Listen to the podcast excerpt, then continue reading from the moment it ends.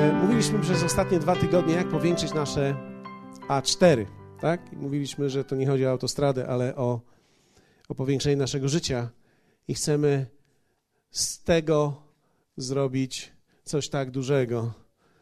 E, I to jest wyzwanie. Zobaczyliśmy, że jest kilka rzeczy, które możemy zrobić, i dzisiaj chciałbym kontynuować ten temat, ponieważ wierzę w to, że tak naprawdę, aby stworzyć z takiego życia takie życie, no to trzeba być innego ducha. Trzeba być innego ducha. Trzeba umiejętnie wytworzyć w sobie tego innego ducha.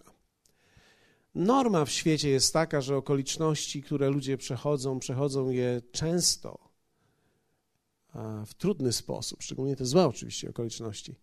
Natomiast wierzę w to, że człowiek, który ma przemienianego ducha, albo można powiedzieć tak, przemienianą duszę w swoim życiu, ponieważ otrzymujemy nowego ducha, w związku z tym e, mamy doskonałego ducha, więc ta dusza przemieniona, ale Biblia mówi o nowym duchu, tak, o innym duchu. W Starym Testamencie mówimy, że Bóg określił Kaleba, że jest w nim inny duch niż w pozostałych. Ten inny duch to jest też pewna kompozycja duszy i ducha w człowieku. Więc nie chciałbym tutaj być jakiś rozbieżny teologicznie za bardzo, ale nie chciałbym też wchodzić w szczegóły. Chodzi o to, że człowiek musi być inny i to jest, to, to jest kształtowanie siebie. Człowiek może kształtować siebie, człowiek może wykształtować swoje własne postawy w zupełnie nowe miejsca. Także okoliczności nie staną się dla ciebie górą nie do pokonania, ale w jakiś sposób cię uruchamiają. Jeśli negatywne okoliczności uruchamiają cię, prawdopodobnie zaczynasz w sobie wytwarzać tego innego ducha, o którym Bóg mówił odnośnie Kaleba. Wierzę w to, że Bóg szuka ludzi, którzy będą zdeterminowani, aby w sobie wykształtować tego typu duchowość, tego, tego typu człowieczeństwo, które tak naprawdę jest cechą charakteru, gdzie gdy widzimy, że coś jest nie tak, chcemy to naprawić. Albo gdy widzimy, że coś nie działa, chcemy, żeby zadziałało. Albo jeśli widzimy, że z jednej strony zalewa nas fala i z drugiej strony zalewa nas fala, w środku gdzieś mówisz: Nie poddam się. Nie musisz krzyczeć o tym, nie musisz być bardzo werbalny, nie musisz opowiadać wszystkim ludziom, ale w środku gdzieś czujesz: Hej, nie poddam się. Nie poddam się. Przejdę jeszcze kawałek i nie poddam się. To jest tworzenie innego ducha.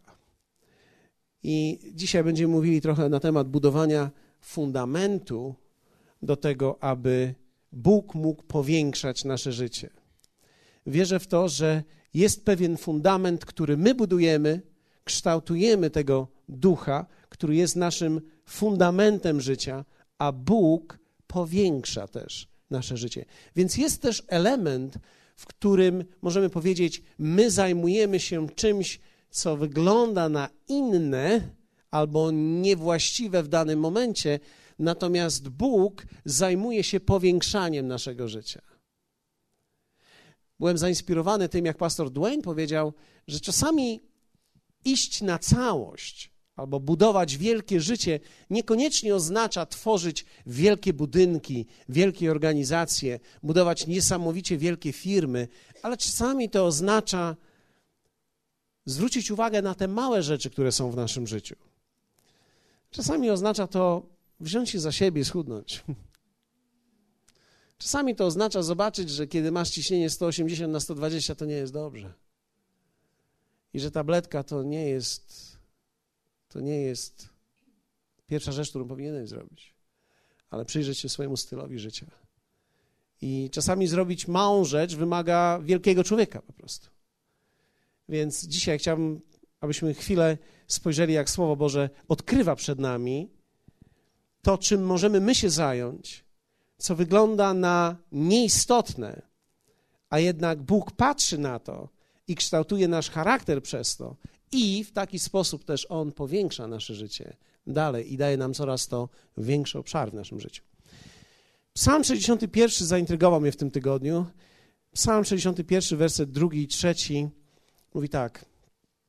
E, jak wielu z was wie o tym, że psalm jest to psalm Dawida.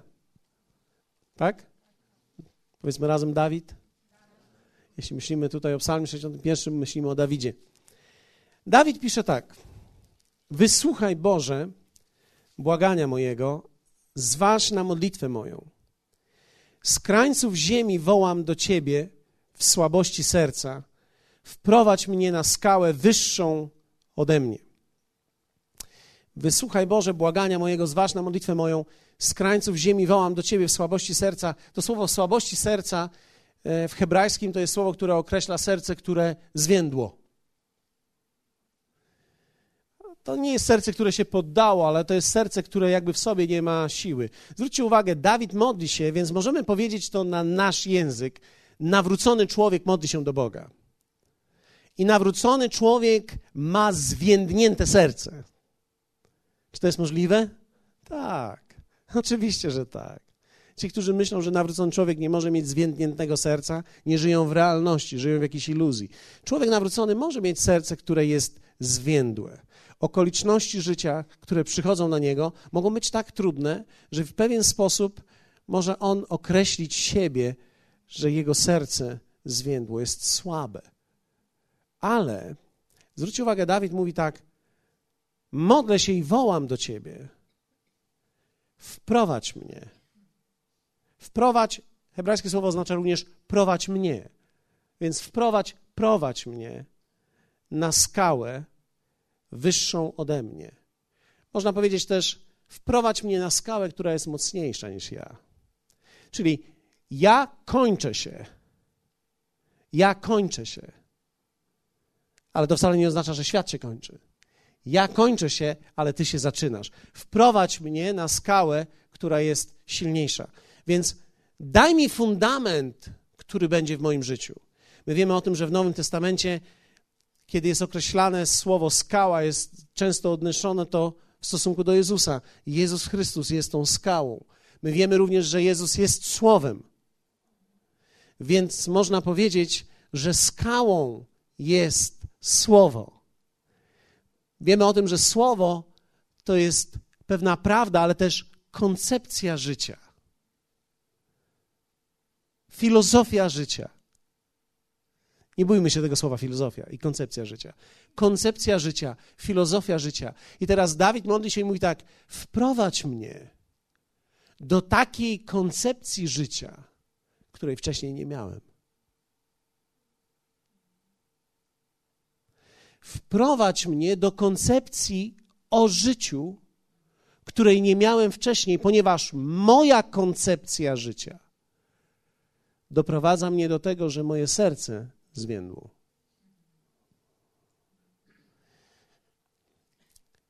Za każdym razem, kiedy Twoje serce zwiędnie w jakiejkolwiek sprawie, musisz wiedzieć jedno. Twoja koncepcja się skończyła, ale to oznacza również, że ona jest mała, ponieważ ona jest A4, a my się powiększamy.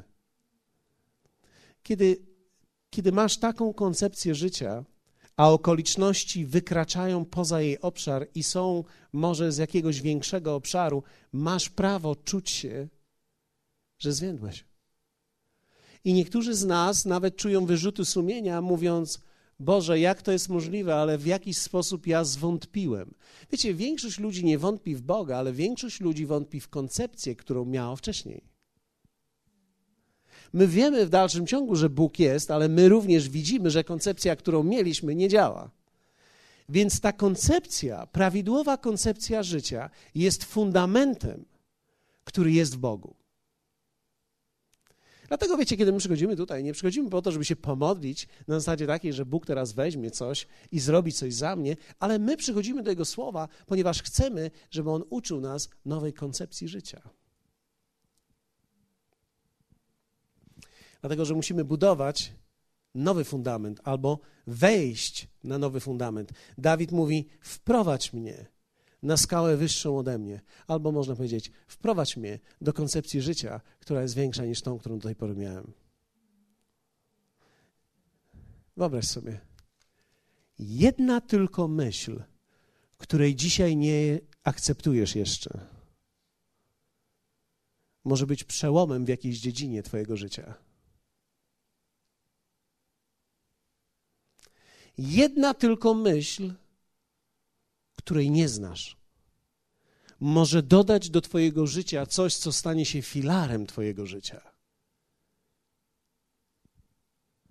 To nie jest inteligencja, to nie, nie chodzi tylko o intelekt, tu chodzi o koncepcję życia, która jest prawdą.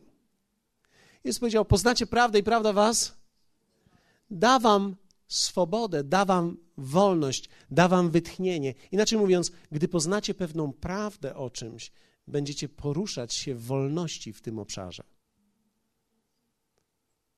Każdy obszar, który jest objęty prawdą w naszym życiu, mamy wolność w tej dziedzinie. Nasze serce więdnie, słabość serca mogę mieć wtedy, kiedy nie mam prawidłowej koncepcji na dany temat. Kiedy na przykład na temat relacji nie mam prawidłowej koncepcji. I jedynym nauczycielem mojej relacji była moja na przykład zgorzkniała mama. Ja nie mówię o mojej mamie w tej chwili, mówię przykład. Moja zgorzkniała mama mogła być jedyną nauczycielką mojej koncepcji życia na temat relacji. I ona mogła mi mówić, tylko pamiętaj i uważaj na tych, i na tych, i na tych. I w twoim, w twoim umyśle określiła i opisała samych wrogów, których człowiek może mieć. Więc ty wychodzisz w życie nie tyle przygotowany do niego, ale najeżony. Więc gdy tylko widzisz jakiekolwiek symptomy u kogokolwiek z tego, co ci twoja mama mówiła, natychmiast uderzasz w te osoby, natychmiast uderzasz w tą relację i dziwisz się, że nie możesz z nikim nic zbudować. Nie możesz zbudować ani przyjaźni, ani małżeństwa, ani relacji pomiędzy tobą a twoim dzieckiem, twoimi dziećmi itd., itd., itd. Więc zwróćcie uwagę, jakiś jeden obszar nieprawidłowo kształtowany może spowodować, że nie mamy w nim zwycięstwa. I nie mamy w nim pokoju. I nie mamy w nim wolności. Więc teraz ja zostałem zbawiony w Chrystusie, jak i ty. I stałem się niebieski. Ale mój umysł dalej jest zielony. W naturze Bożej stałem się niebieski, ale mój umysł dalej jest zielony. W związku z tym ja muszę przemieniać moje koncepcje, ponieważ jeśli nie będę przemieniał moich koncepcji, moje serce będzie więdło wielokrotnie.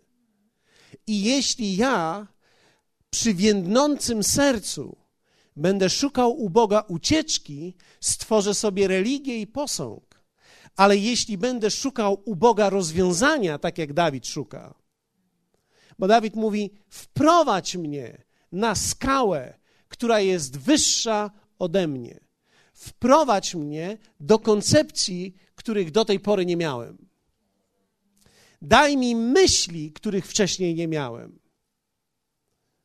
W tym momencie, kiedy pozwolimy Bogu wprowadzić siebie w ten obszar, to będzie prawdopodobnie proces. To prawdopodobnie zajmie czas. Ale prawdopodobnie już na samym początku tego procesu będziemy czuli radość i będziemy czuli, że coraz jest lepiej. Będziemy czuli, że, że marynarka się nie ścieśnie, ale się poszerza. Inaczej mówiąc, zobaczymy, że życie, które jest wokół nas, które nas cisnęło, jest coraz większe, ponieważ obszar ten zaczyna być obszarem prawdy, więc musimy budować fundament. Powiedzmy razem, budować fundament, budować zaplecze, budować życie. Jeszcze raz, budować fundament, budować zaplecze, budować życie. Wszystko, cokolwiek nie jest oparte, musi upaść. Wszystko, cokolwiek nie jest oparte, musi upaść. Cokolwiek nie ma fundamentów, musi upaść. I teraz, jakie są najczęstsze problemy chrześcijańskie z tego powodu wynikające? Czyli my mamy jakąś własną koncepcję, nam więdnie serduszko i nie wiemy, co z tym zrobić. No zwróćcie uwagę, to już jest wielka rzecz, kiedy Dawid mówi: wprowadź mnie na skałę. Czyli on wie, co z tym zrobić. On przychodzi do Boga i dokładnie wie, co chce od Boga. Panie, wprowadź mnie na skałę, wprowadź mnie do koncepcji słowa, której do tej pory nie miałem. I najczęstsze problemy chrześcijańskie są takie. Szczególnie w naszym kraju, ponieważ my zostaliśmy zrodzeni z religii. Problem jest taki, że wiecie, można mieć nową naturę zrodzoną z Boga, ale w dalszym ciągu twój umysł był płukany w religii przez lata. I non-stop jest płukany. Dlatego, że jesteśmy pod wpływem religijnego świata wokół nas. Najczęstsze problemy w chrześcijaństwie to, po pierwsze, lekceważenie problemów poprzez problemów życiowych poprzez, coś ciekawego tu się dzieje, oddzielenie się od ich rozwiązania. I my nazywamy to, Bóg się tym zajmie. I to jest problem. Dlatego, że to umiejscawia Boga w miejscu wróżki. On przestaje być Bogiem, on jest wtedy wróżką. My wiemy, jakie triki mamy zrobić, żeby on zadziałał w jakiś sposób. Więc teraz ja nie zajmę się moimi problemami, nie będę ich rozwiązywał, ja oddaję je Bogu. I teraz zobaczcie, umiejętność oddania czegoś Bogu, a umiejętność włączenia się w to, co oddałem Bogu, to są dwie różne rzeczy. Można oddać coś Bogu nieprawidłowo. Na przykład, można oddać swoje życie Bogu nieprawidłowo w ten sposób, kiedy mówisz: Panie, ja ci oddaję moje życie, więc ja się już nim nie zajmuję. Okay? Można dojść do, ekskrem, do ekstremum takiego, że jeśli Bóg będzie chciał, żebyś miał uczesane włosy, on ci uczesze. Oddałeś mu swoje życie, więc teraz oddałeś mu swój wygląd, więc teraz wszystko zależy od niego. Fakt jest jednak taki, że my oddając Bogu nasze życie, nie oddajemy Jemu odpowiedzialności za nasze życie. Dziękuję Wam za ten aplauz Boży. Ale idźmy dalej. Drugi problem, który mogłem zobaczyć y, w ostatnich 65 latach mojego życia, lekceważenie fundamentalnych problemów poprzez czekanie, często mieszane z wiarą.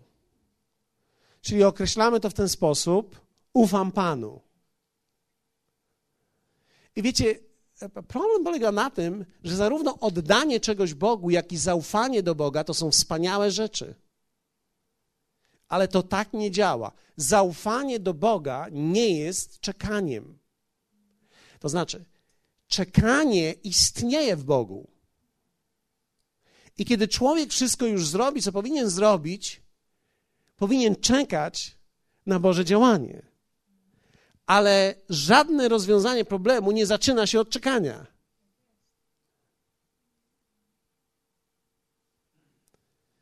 Więc zaufanie Bogu może być źle rozumiane i bardzo często jest źle rozumiane przez wielu wierzących.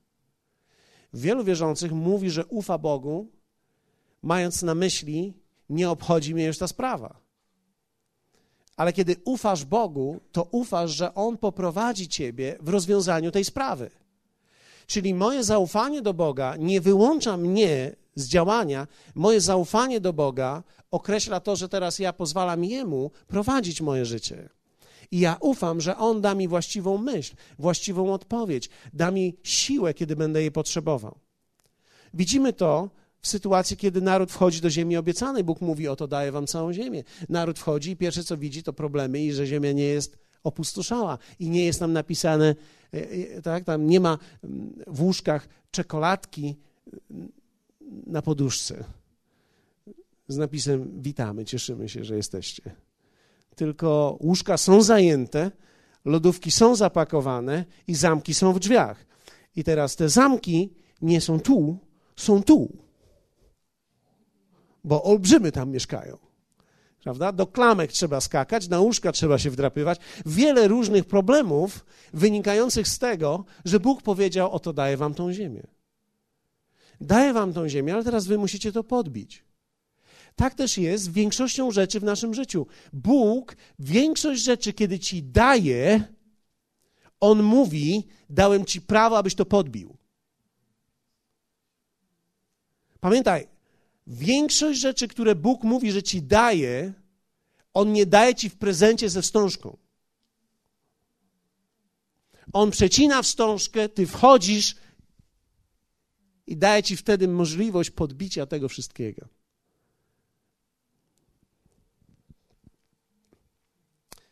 Musimy się otrząsnąć z pewnego rodzaju iluzji, że kiedy my nazwiemy coś, że ufamy Panu, to to wszystko załatwia.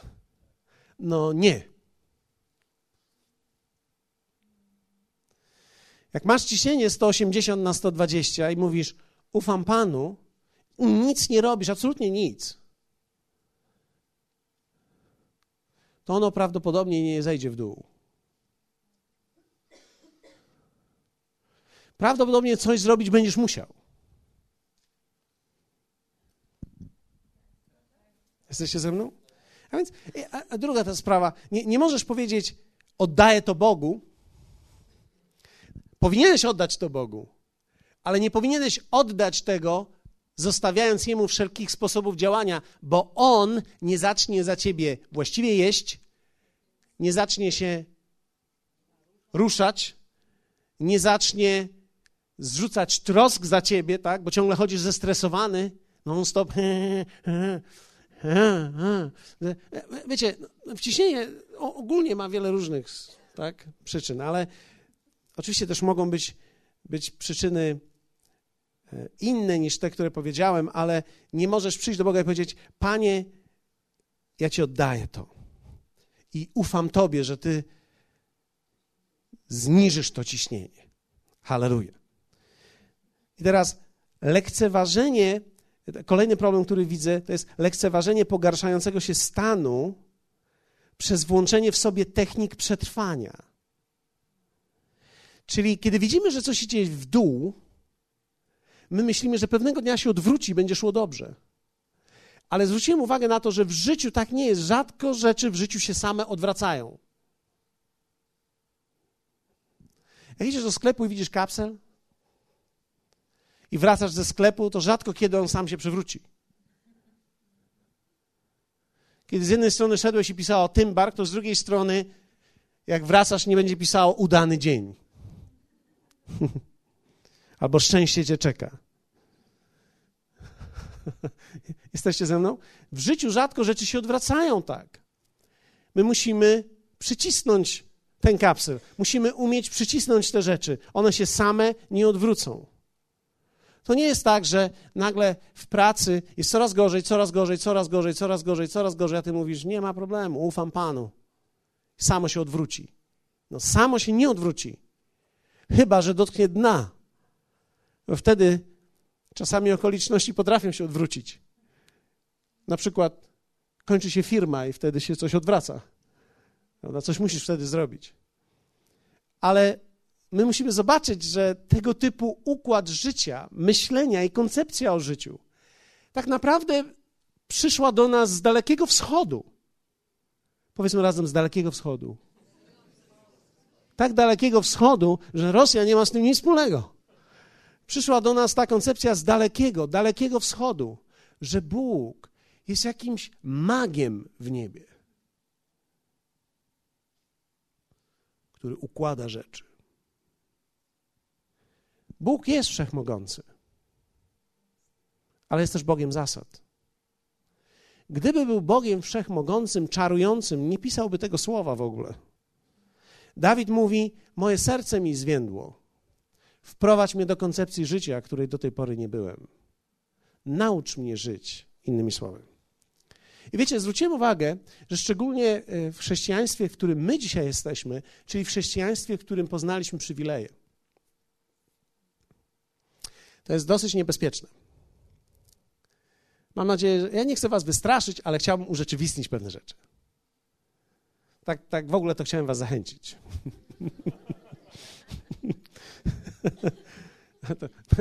Szczerze mówiąc, to się modliłem, żeby to brzmiało zachęcająco. Ale Mam takie wrażenie, że to uratuje życie niektórych przynajmniej. Dlatego, że częściowe poznanie jest gorsze niż brak poznania.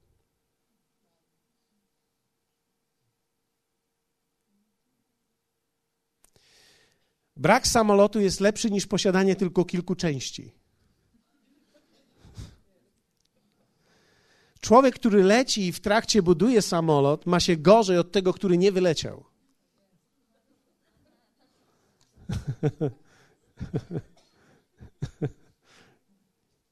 Bóg jest Panem rozwoju. I On chce rozwoju naszego życia. Ale On chce, abyś coś zbudował, abyś zbudował fundament. Dlatego mamy do czynienia z czymś takim, że niektórzy wierzący, którzy rozpoznali przywileje, czyli mają skrzydła, mają ten problem, nie mają silników, sterowników są jak latawiec. I teraz momentami my szybko pikujemy w górę. ale momentami dość szybko pikujemy w dół. I kiedy pikujemy w dół i trafimy w swój, w tym momencie często mamy pretensje do Boga. Czemu to nie działa? Ale życie zawsze zadziała, które jest oparte na tym fundamencie. Kiedykolwiek coś nie działało, ja musiałem sobie powiedzieć, moja koncepcja, którą mam, prawdopodobnie nie jest wystarczająco wielka. Ja czegoś w tym słowie nie widzę. Proszę Ciebie, abyś mi pomógł to zobaczyć. Trzeba zatem rozwoju. Pan jest Panem rozwoju. Zatem Bóg się tym zajmie, ufam Panu, będzie dobrze. Mogą być wspaniałym tekstem, który używamy w życiu, które się nie rozwija, ale które się zwija. Więc ja nie chcę słuchać tylko żargonu zwijającego się pokolenia. Ale wierzę w to, że Bóg powołał nas, abyśmy stali się świadectwem rozwijającego się życia. Powiedzmy razem, rozwija, rozwijające się życie. Nie zwijające się. Powiedz do swojego sąsiada, ja się nie zwijam, ja się rozwijam. Trzeba nadać tym słowom nowy sens i kiedy je wypowiemy, będziemy mogli zaświadczyć o tym swoim życiem. I teraz spójrzmy na Ewangelię Łukasza. Mam jeszcze tutaj jakieś 15 minut i chciałbym to skondensować maksymalnie szybko. Ewangelia Łukasza, 16 rozdział, werset 10-12. Jezus mówi nam, co mamy my zrobić w tym obszarze rzeczy, które są, można powiedzieć, małe albo nieistotne, a On obiecuje nam, że będzie powiększał nasze życie, kiedy my się tym małym zajmiemy. Łukasza 16, 10, 12 czytamy: Kto jest wierny w najmniejszej sprawie i w wielkiej jest wierny. A kto w najmniejszej jest niesprawiedliwy i w wielkiej jest niesprawiedliwy. Jeśli więc w niesprawiedliwej mamonie nie byliście wierni, któż wam powierzy prawdziwą wartość? A jeśli nie byliście wierni w sprawie cudzej, któż wam poruczy rzecz własną? Trzy rzeczy oczywiście ja tu widzę. Ja zawsze widzę trzy rzeczy. Nawet jak widzę cztery, czwartej nie widzę, widzę trzy. widzę trzy rzeczy. Pierwsza. Zwróć uwagę na małe rzeczy w Twoim życiu. Mówimy teraz o koncepcji, która jest szersza niż tą, którą mieliśmy do tej pory. Zwróciłem uwagę, że często ci na przykład, którzy nie mają pieniędzy, traktują jakiekolwiek mają jako małe. Natomiast często ci, którzy mają więcej pieniędzy, nawet małe traktują jako ważne. Czasami mówi się o tym, że wtedy ci bogaci skąpią. Ale tak nie jest. Oni po prostu znają siłę, która stoi za tym. Więc zwróciłem uwagę, że często ludzie, którzy mają mało, nawet to, co mają, nazywają, że to jest mało i to mało traktują jako naprawdę mało. Tymczasem Bóg nigdy nie chciał, abyś nie był wierny w małym. On chce, abyś był wierny w tym małym. Często małe niekoniecznie dla każdego jest małe. Więc co jest małe dla ciebie, jest ważne. Co jest małe dla ciebie? Jaka kwota jest mała dla ciebie? Na przykład, jeśli mówimy o finansach. Dlaczego coś jest małe, coś jest nieistotne? Na przykład możemy powiedzieć, dla kogoś jest nieistotny porządek. Nieistotna jest czystość. Dla kogoś nieistotna jest higiena. Dla kogoś nieistotna jest rzecz, którą posiadają.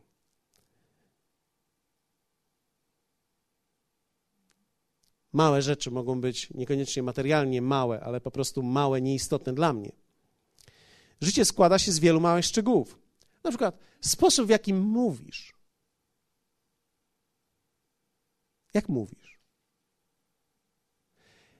Jak rozmawiasz z innymi? Wygląda na małą rzecz.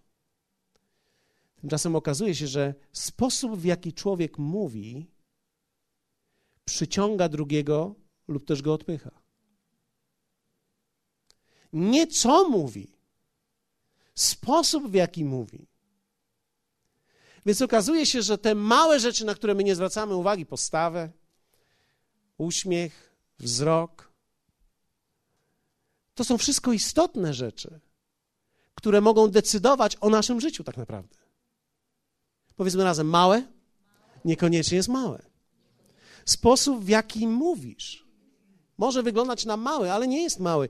Podejście do czasu. Podejście do czasu. Co to znaczy zawsze się spóźniam? Albo co to znaczy zawsze się śpieszę? Wiecie, może być wiele różnych chorób. Zawsze się spóźniam, zawsze się śpieszę. Ale piękne jest to, kiedy człowiek zawsze jest na czas. Kiedy człowiek jest na czas, można na niego liczyć. Kiedy ktoś jest na czas, można na niego liczyć. Kiedy przywiązuje uwagę do tego małego szczegółu, którym jest czas, okazuje się, że ten mały szczegół może zmienić Twoje życie. Może zmienić nastawienie Twojego szefa do Ciebie. Może nastawienie Twojej żony zmienić się do Ciebie i różnica w jej nastawieniu to jest 15 minut. Czyli kiedy ty naciągasz cały czas 15, to cokolwiek mówisz, ona, ona nie wierzy już w to. Że to jest niesamowite. Jak my możemy z powodu tego, że oszukiwani jesteśmy cały czas w małej rzeczy, podejść do tego, że oszukiwani jesteśmy prawdopodobnie w każdej, albo przestajemy wierzyć w jakąkolwiek. Na przykład takie drobiazgi jak mój ubiór.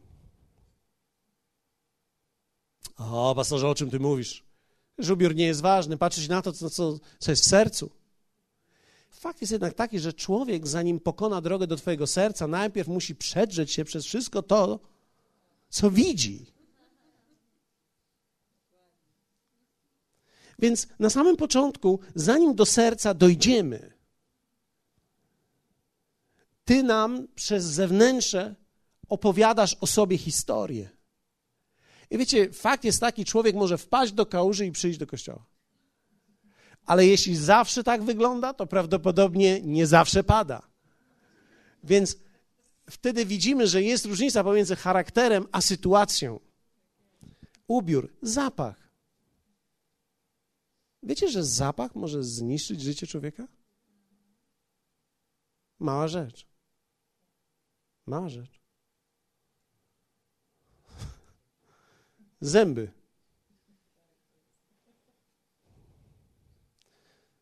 Zęby.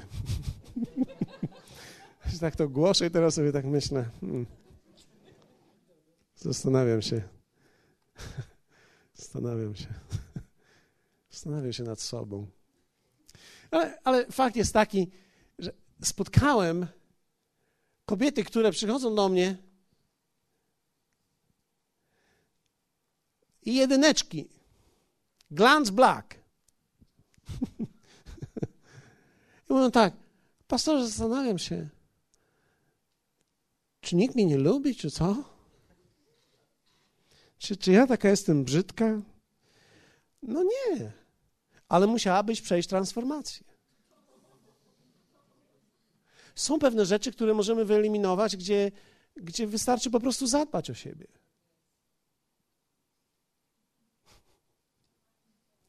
Ja nie mówię, że każdy musi być Hollywood. Nie, nie, nie możemy przesadzać, tak, że do pięćdziesiątki nosisz aparaty i wybierasz co trzy miesiące i, i, i czyścisz wszystko, bo za chwilę nie będzie co. Prawda? I nie o tym mówię. Nie mówię tutaj o, o jakichś, wiecie, ekstremach a o drobnych rzeczach, które wpływają na to, w jaki sposób nasze życie działa, w jaki sposób nasze życie funkcjonuje. One są częścią naszego życia i są wbrew pozorom bardzo duchowe. Ponieważ ta osoba, ta kobieta, wierzcie mi, ta kobieta spędzi godziny w kościele modląc się o męża i żadnej godziny u dentysty.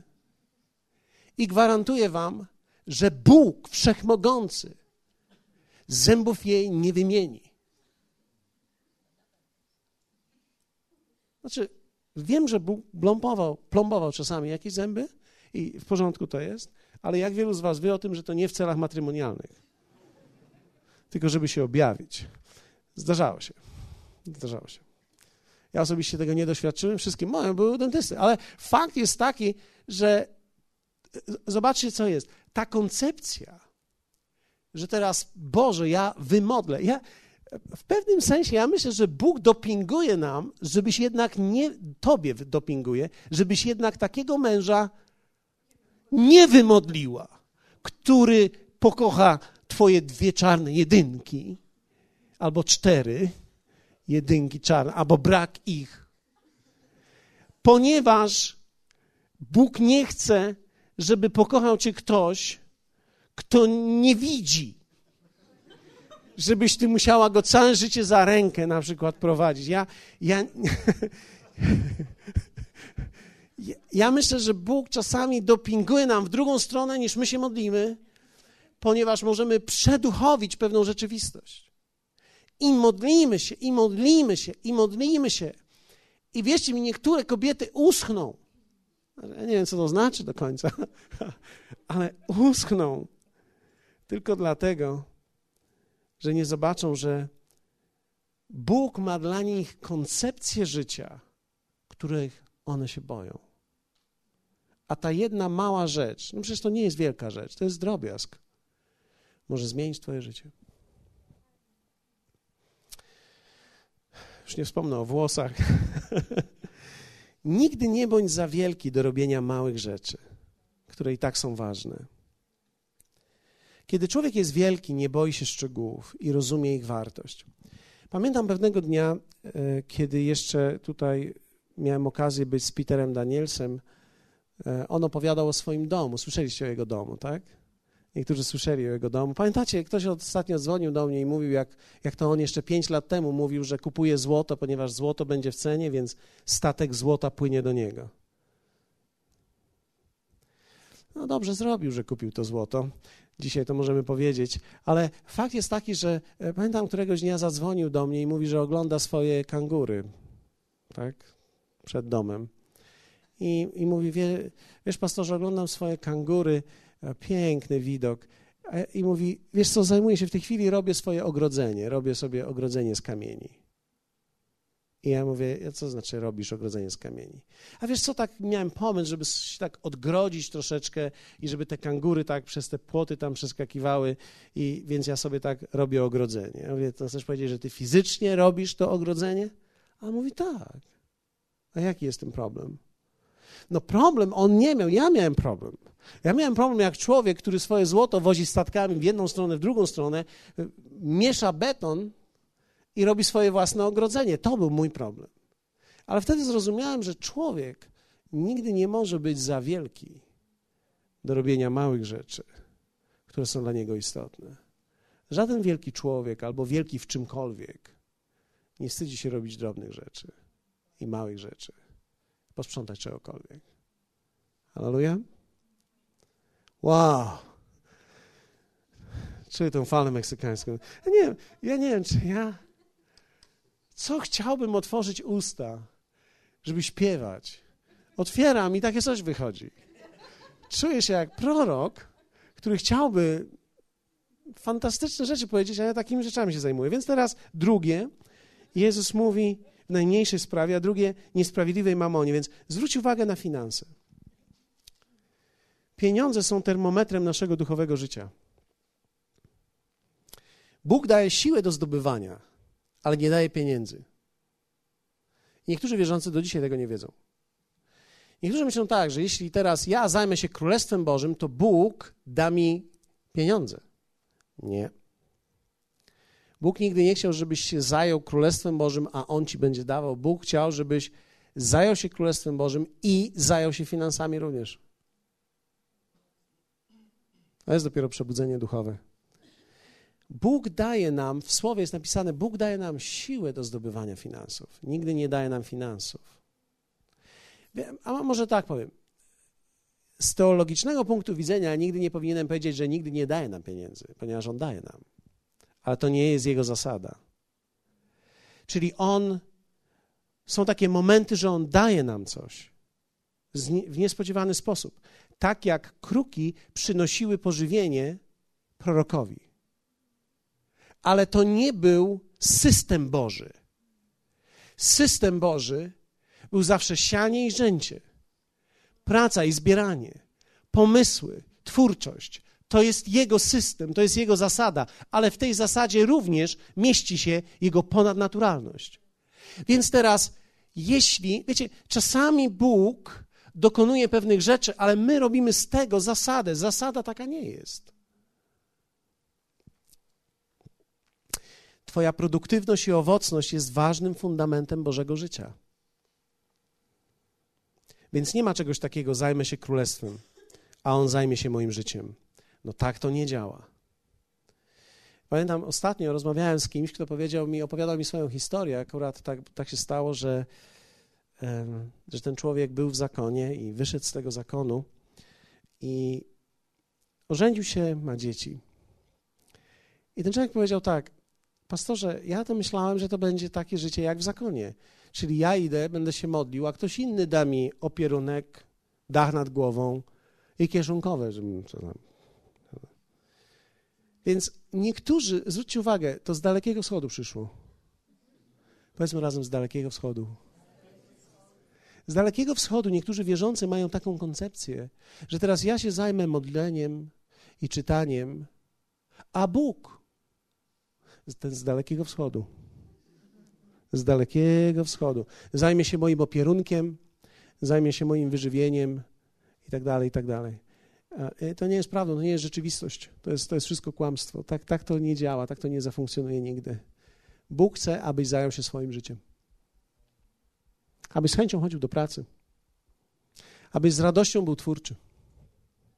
I abyś widział, że to jest część Królestwa Bożego, a nie część świata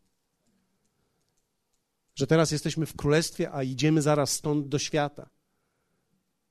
Świat to nie jest geografia. Świat to nie jest Władysława IV, CPN, Orlen. Świat to nie jest forum, to nie jest MK.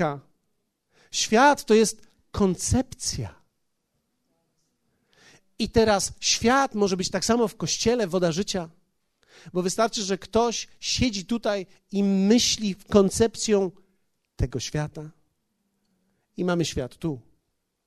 Więc ja mogę teraz wziąć tą nową koncepcję Bożego życia i zaprowadzić do forum. Na przykład idąc i mówiąc nie, nie, nie, nie, nie, nie, nie. Inaczej mówiąc, mądrze robiąc zakupy. Na przykład. Zwróć uwagę na finanse, one są termometrem. I trzecie. Jezus mówi: A jeśli nie byliście wierni w cudzej sprawie, któż wam poruczy rzecz własną? Zwróć uwagę na to, co należy do kogoś innego. W życiu zawsze używamy cudzych rzeczy. Zawsze. Zawsze używamy cudzych rzeczy. Na przykład samochód służbowy. Powiedzmy amen. Laptop. Komórka służbowa zarządzamy cudzym czasem. Czyli te, kiedy idziesz do pracy, dajesz komuś swój czas od danej godziny do danej godziny. I teraz ty dałeś komuś swój czas, więc teraz wszedłeś w jego czas i zarządzasz w tym czasie jego czasem. Więc kiedy idziesz i zamykasz się w kanciapie i na przykład masz spotkanie modlitewne, to używasz czasu szefa do swoich prywatnych celów. Nie wolno, nie wolno, nie wolno, nie wolno. Pracujemy. Okej. Okay. Zarządzamy cudzym czasem. Tak jak szanujesz cudze, Bóg będzie cię obserwował. Dlatego, że zobaczcie, nawet kiedy mamy samochód służbowy, czasami to widać. Jak jedziesz ulicą albo jedziesz w trasę, widać mały brzdęk. Ty jedziesz 130, 140, nie powinieneś, ale jedziesz. Jedziesz 140 i nagle patrzysz, śmiga. Cium! Myślisz sobie, co to jest? Patrzysz, obklejone auto, reklamowe. Ktoś depcze, bo to nie jego, tak? Wiecie, to jest trochę tak, jak moje dzieci ostatnio, my jemy arbuza, tak? Mam nadzieję, że nie zdradzę zbyt wielu tajemnic mojego domu, ale Jemy arbuza, przekroiliśmy tego arbuza. Po chrześcijańsku pokroiliśmy arbuza. I teraz jemy sobie tego arbuza. Patrzę, moje dzieci jedzą tak, środek do połowy, resztę zostawiają. I teraz zwróciliśmy oboje z żoną uwagę, hej, co jest z tą czerwoną częścią pozostałą? Ona już nie jest aż tak słodka jak ta środkowa. Czyli kupujesz 16 kilo arbuza, żeby zjeść 30 dekocentrum. A reszta niech rodzice futrują. Ja mówię, ja mówię do moich dzieci, one mówią, a jak to, co to takiego strasznego? Ja mówię, nic strasznego. Pewnego dnia przypomnisz sobie, że jak kupisz ty te 16 kilogramów arbuza, to łącznie z zielonym będziesz wciągał. Do zieleni dojdziesz i będziesz się w tej zieleni doszukiwał słodyczy. Tam już jej dawno nie będzie, ale się będziesz doszukiwał. No ale ponieważ to jest w pewnym sensie nie moje, ja nie płaciłem za to. Mój stosunek do tego jest. Co to takiego jest? Tak? Więc bardzo wiele rzeczy zmienia się, kiedy mamy cudze i swoje. Kiedy masz, kiedy, kiedy dziecko po raz pierwszy zarobi 100 złotych, naprawdę się napracuje 100 złotych, to ono nagle chodzi i tak, dziesięcinę trzeba oddać? Tak. A ile? 10 zł. 10 zł to jest? Dostawałeś na ofiarę dwie dychy, nie było żadnego problemu, ale teraz 10 zł ma oddać ze swoich. Ze stówy? 90 mi zostaje tylko. 90 mi zostaje, a ty mu mówisz, dziesięcina to jest początek, jeszcze jest ofiara. A ofiara jeszcze? A ofiarę jaką można dać najmniejszą? No, jak najmniej znajdziesz. No tak, żeby tak, więc teraz człowiek z sumieniem wybiera, tak? Złocisza. Dwa złocisze. Patrzysz na to dziecko i widzisz, że jego stosunek do pieniądza zupełnie się zmienia w momencie, kiedy to jest jego pieniądz i kiedy zapracował na ten pieniądz, a zupełnie inaczej, kiedy, kiedy dostaje stówę od babci, dostaje stówę od drugiej babci, dostaje od dziadka dwie stówy i nagle ma cztery w kieszeni i wchodzi i do sklepu jest boss. Kupiłby wszystko, Aż to łatwo. Więc wierzcie mi, w tym, co jest cudze, jest charakter nasz kształtowany. I my mamy również do tego właściwe mieć podejście. Tak samo nawet, ja patrzę nawet na tutaj nasz budynek, te rzeczy, które mamy tutaj. Tak? Wiecie, kiedy dzieci, kiedy dzieci e, skaczą po naszych meblach, my mówimy, nie skacz, bo zrobisz dziurę. Ale jak skaczą gdzieś po meblach, to my tylko sprawdzamy, żeby się nie potknęło.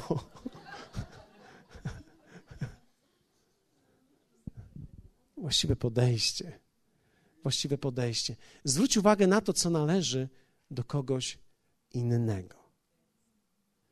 I okazuje się, że zwracając uwagę na małe rzeczy, zwracając uwagę na finanse i zwracając uwagę na to, co należy do innego człowieka, ja zajmuję się tak jakby małymi, nieistotnymi sprawami, a Bóg mówi, Bóg mówi do mnie, że efekt będzie taki, że Bóg postawi cię nad wielkim, powierzy ci prawdziwą wartość i da ci rzecz własną. Więc warto to robić?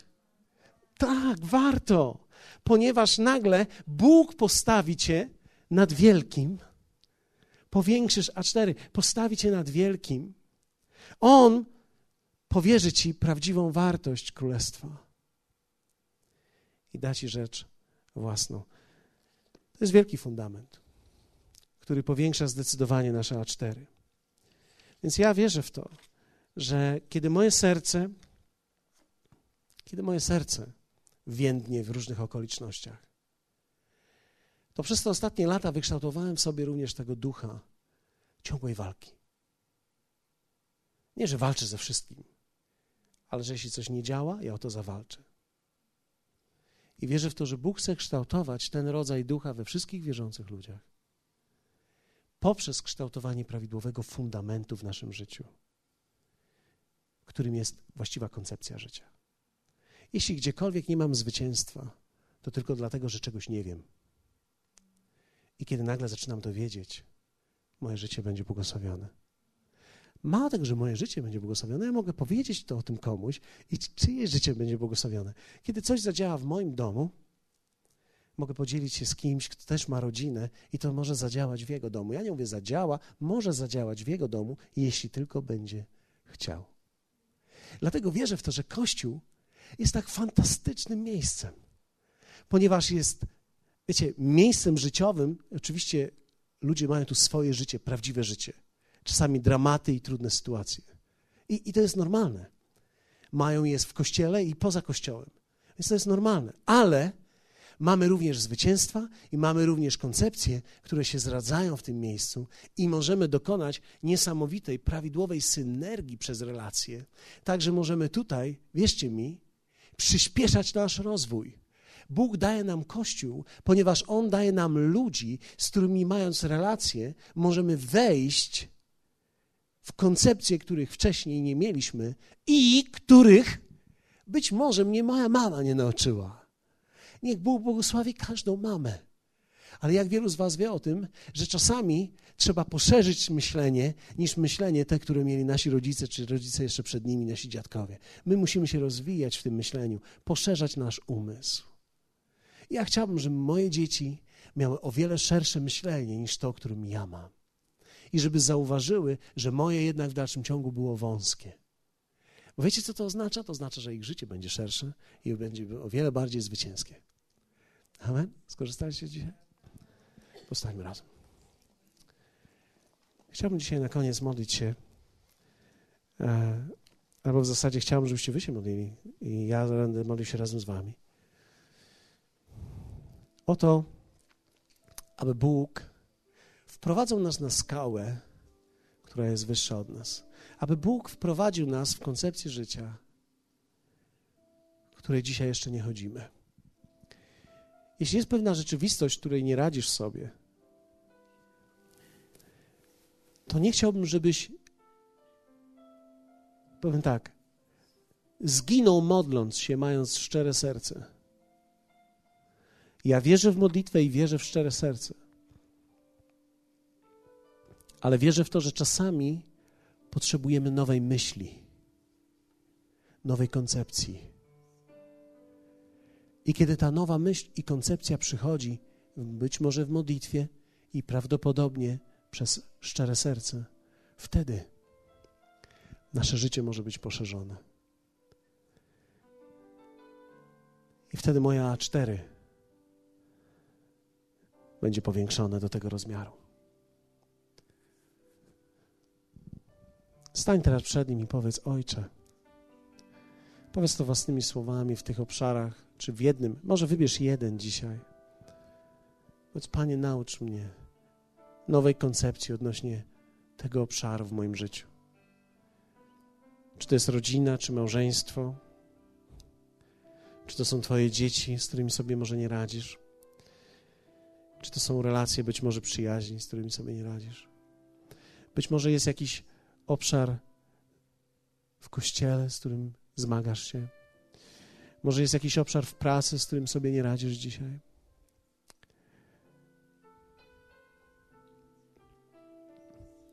Może jest to tak czasami trudny temat, który rzadko poruszają ludzie w rozmowach. Są trudności finansowe, gdzieś nawet czasami głębokie. Nie stydźmy się tych rzeczy. Powiedz mu, wprowadź mnie na skałę, która jest wyższa ode mnie.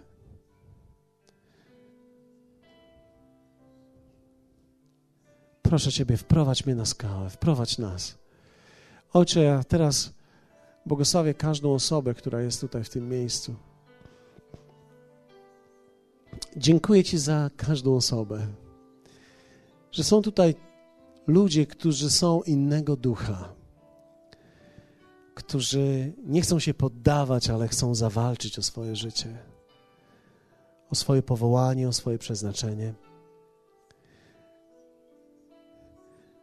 Którzy nie zamkną się i nie zgorzknieją pod wpływem okoliczności, ale staną przed Tobą i powiedzą: Wprowadź mnie na skałę, która jest wyższa ode mnie, ponieważ jest więcej dla mnie niż to, co dzisiaj jest we mnie.